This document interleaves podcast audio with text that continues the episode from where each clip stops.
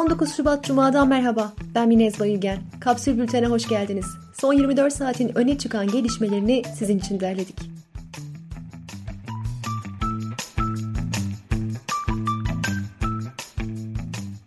TÜİK'in yaşam memnuniyeti araştırmasına göre 18 yaş üstü bireylerde 2016'dan beri mutluluk düzeyinde kaydedilen gerileme 2020 yılında da devam etti. Mutluların oranı %48.2'ye geriledi. Bu oran geçen yıl %52.4 olarak kayda geçmişti.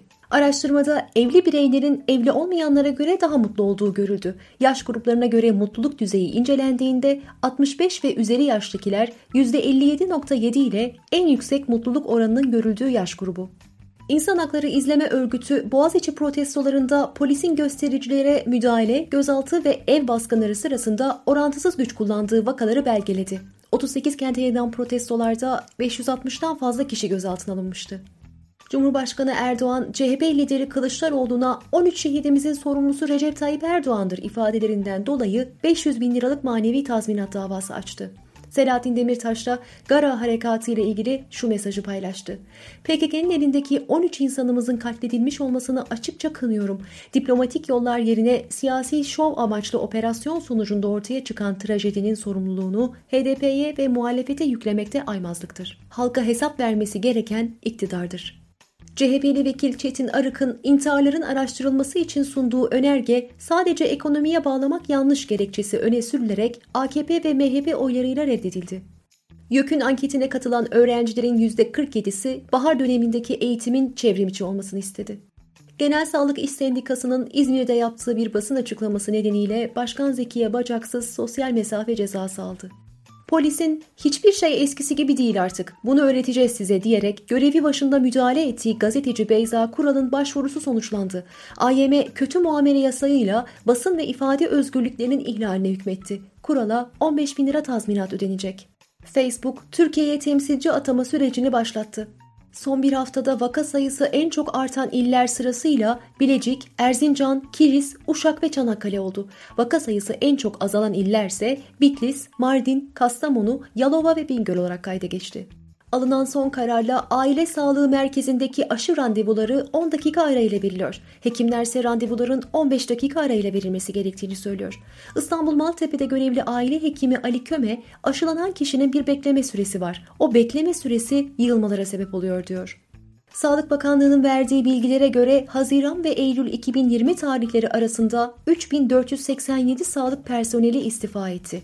BM Genel Sekreteri Guterres, 10 ülkenin dünyadaki aşıların %75'ini aldığını, 130 ülkeye ise bir doz bile aşı gitmediğini söyledi. ABD'de devam eden sarraf davasında sanık olan Halkbank'ın bir üst mahkemeye yaptığı itiraz kabul edildi. ABD'nin Teksas eyaletinde günlerdir devam eden kar fırtınası ve soğuk nedeniyle en az 21 kişi hayatını kaybetti, 21 milyon kişi elektriksiz kaldı. Çok sayıda evin ısınmakta zorluk çektiği Teksas'ta yaşananların küresel bir petrol krizine dönüşmesinden endişe ediliyor. Yeni Zelanda Başbakanı Arden, regl ürünlerinin okullarda ücretsiz olarak dağıtılacağını duyurdu.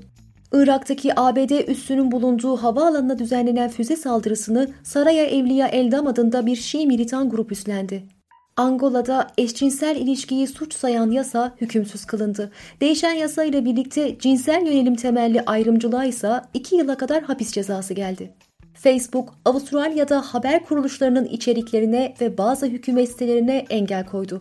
Başbakan Morrison korkmadıklarını belirterek büyük teknoloji şirketleri dünyayı değiştiriyor olabilir ancak dünyayı yönetemeyecekler dedi. Geçen yıl Senato'ya sunulan sosyal medya yasası Avustralya medyasının içeriklerini kullanan Facebook ve Google'ın bu kuruluşlara ödeme yapmasını şart koşuyor. Kadıköy Belediyesi'nde toplu sözleşme imzalandı, grev sona erdi. En düşük işçi maaşı, ikramiyeler ve yıllık ödenen sosyal yardımlar hariç net 5275 lira olarak belirlendi. İşçilerden bazıları Sendika Genel Merkez Yönetiminin kendilerinden habersiz masaya oturup toplu iş sözleşmesi imzaladığını savunarak anlaşmaya tepki gösterdi. 2300 belediye işçisi grev nedeniyle günlerdir Kadıköy'deki çöpleri toplamıyordu. İBB'de görevli işçilerin Kadıköy'deki çöpleri toplayarak grev kırıcılığı yaptığı belirtildi. Kadıköylüler ise grevdeki işçilere sosyal medyadan Kadıköy halkıyız, işçinin yanındayız etiketiyle destek verdi. Merkez Bankası politika faizini %17'de sabit bıraktı. İngiltere'de yayınlanan bir rapora göre pandeminin ekonomik etkisi nedeniyle neredeyse 2 milyon kişi en az 6 aydır çalışmıyor. Bu kişiler ya işten çıkarıldı ya da ücretsiz izne gönderildi. ABD, Kuzey Koreli 3 bilgisayar korsanına banka ve finansal kuruluşlardan 1.3 milyar dolar ve dijital kripto para çalma girişimi nedeniyle dava açtı. Günün sözüyle kapatıyoruz. Sevgililer gününde çiçek siparişi hizmeti veren firmalarla ilgili yapılan şikayetlerden. Gizli olması gereken mesajımı A4 kağıda yazıp kolinin üzerine yapıştırmışlar. Mesajımı herkes okudu. Kargo kız arkadaşımın babasına teslim edildi. Sağ olsunlar o da okudu. Kapsül'ün e-bültenlerine abone olmak için kapsül.com.tr'yi ziyaret edebilirsiniz. Hoşçakalın.